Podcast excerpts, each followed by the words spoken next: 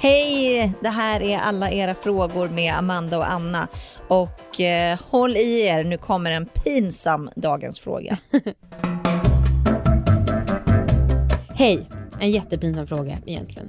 Men jag har nästan aldrig sex längre för jag är så rädd att råka släppa mig under sex. Jag är så rädd för att prutta inför andra och det har alltid varit ett problem för mig, men speciellt under sex. Har nog hänt en gång att jag råkat släppa mig i smyg, så det är inte direkt något som händer ofta. Okej, det har alltså bara hänt en gång. Jag har ingen partner kan jag tillägga. Och jag kan liksom inte prutta av mig innan på toan heller. Hur ska jag våga ligga trots detta problem? Haha. Ska man undvika eller ska man behöva undvika att äta i flera dagar innan man ligger? Jag pruttar inte onormalt mycket eller något vad jag vet. Har ni något tips på hur jag kommer över rädslan? Kanske kan det funka med en buttplug? Hjälp, jag behöver ligga. Haha. Oj, vilken pinsam fråga. Eh, jag tycker vi tar vår sponsor först. Ja. Och det är ju lovebuddy.se. Ja. Eh, hur kan man beskriva dem? Ja men det är en sida som hjälper en om man ska köpa sexleksaker. Mm. För att vi vet vid det här laget att det finns många olika sexleksaksshoppar. Det finns en djungel av sexleksaker. Precis. Så att eh, är man sugen på att köpa något till sig själv eller till någon annan då kan man gå in på labbuddy.se och så kan man då hitta lite olika recensioner. Ja, som är skrivna både av experter och så, så kallade vanlisar. Ja. Sexleksakstestare. Ja, så det finns liksom mm, alla möjliga. Det- Och det, jag tycker att det är väldigt bra för det är ju få saker nu för tiden som man kan köpa på distans som man inte får skicka tillbaka. Ja, Men just sexleksaker får man ju, de, det finns ju ingen som accepterar en öppnad förpackning som retur. Nej, och det är ju hemskt. Men så är det ju. Mm. Och jag vet inte riktigt om det går att komma undan det på något sätt. Nej det tror jag inte. Nej. Men och då är det ju jättebra att man liksom kan läsa på lite. Vad tycker experterna? Vad tycker de här vanliga personerna som har testat det? För de är ju ärliga och så i sina recensioner. Ja, precis.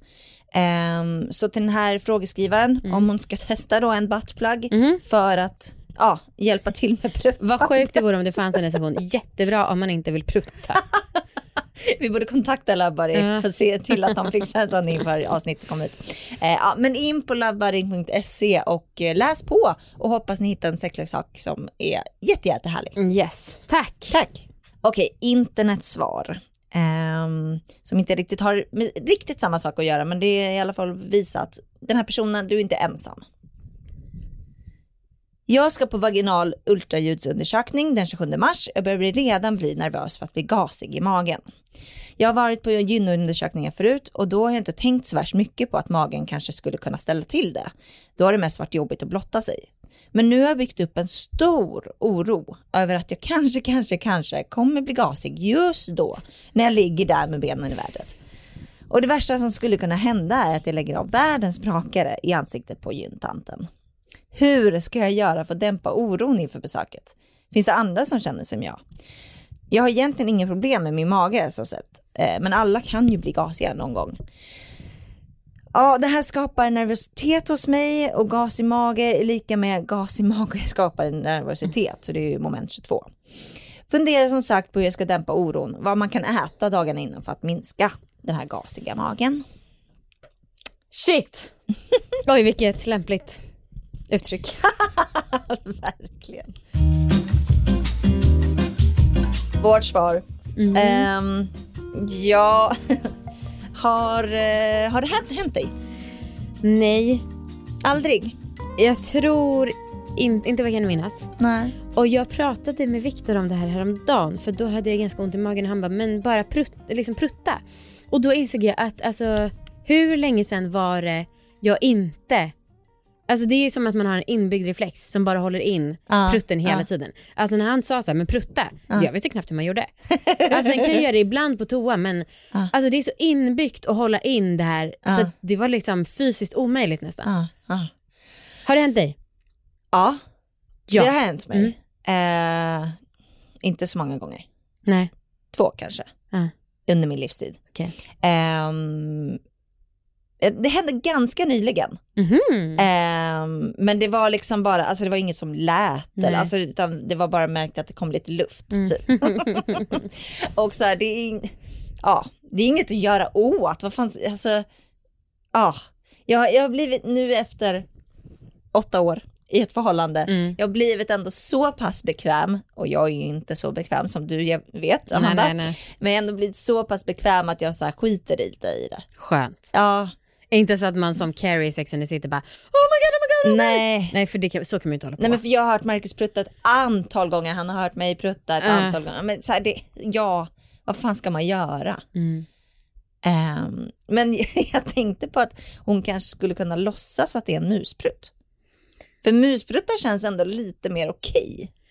Ja, eller för det, grejen är hon kommer ju bli så himla generad om det skulle hända så att hon kommer, alltså det kommer märkas på henne oavsett. Men annars så vore det ju bara en smart idé att bara ignorera det.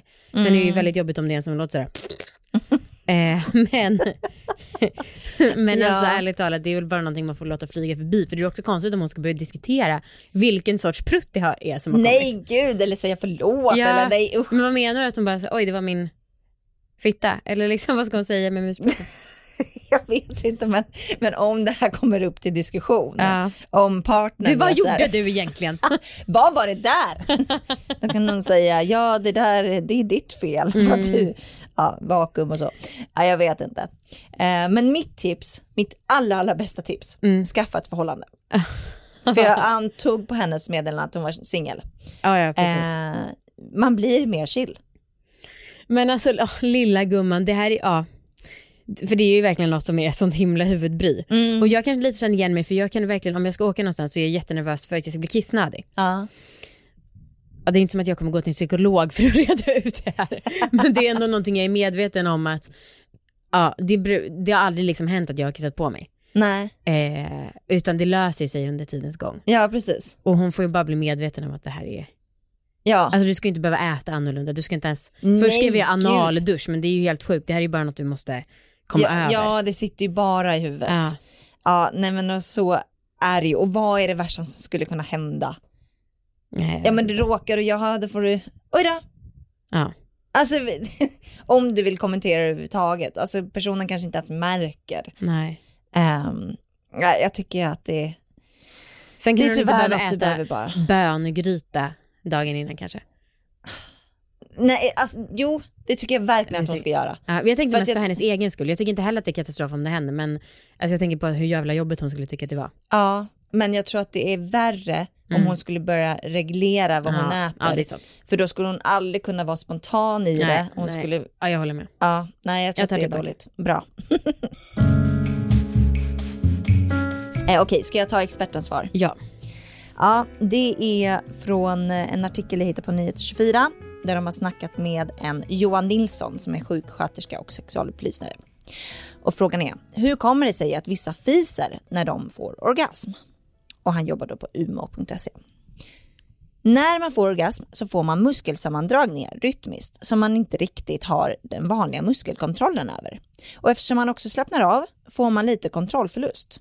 Så då kan det här mycket väl hända. Och man råkar fisa eh, beror det helt enkelt på att man är gasig där och då och förlorar kontrollen över kroppen. Det är alltså svårt att hålla inne. Och då så frågar de i, i artikeln, Kan man göra något åt det här? Och då säger han, nej, det tror jag inte man kan göra. Man får se det som att det är naturliga kroppsfunktioner. Man får försöka ha den inställningen till det. Både den det händer och den man har sex med just då, säger Johan.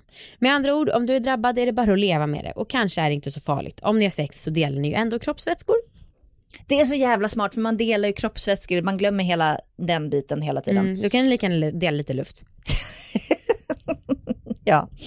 Okej, eh, lycka till, hoppas du kommer över det här. Ja, gör det nu bara. Ja, och kom, fundera ut någonting lättsamt som du skulle kunna säga om det skulle vara så. Jag Ja. tänker att ett oj då, Ligg med bra. en skön person också. ja, det låter bra. Hej då. Hej då!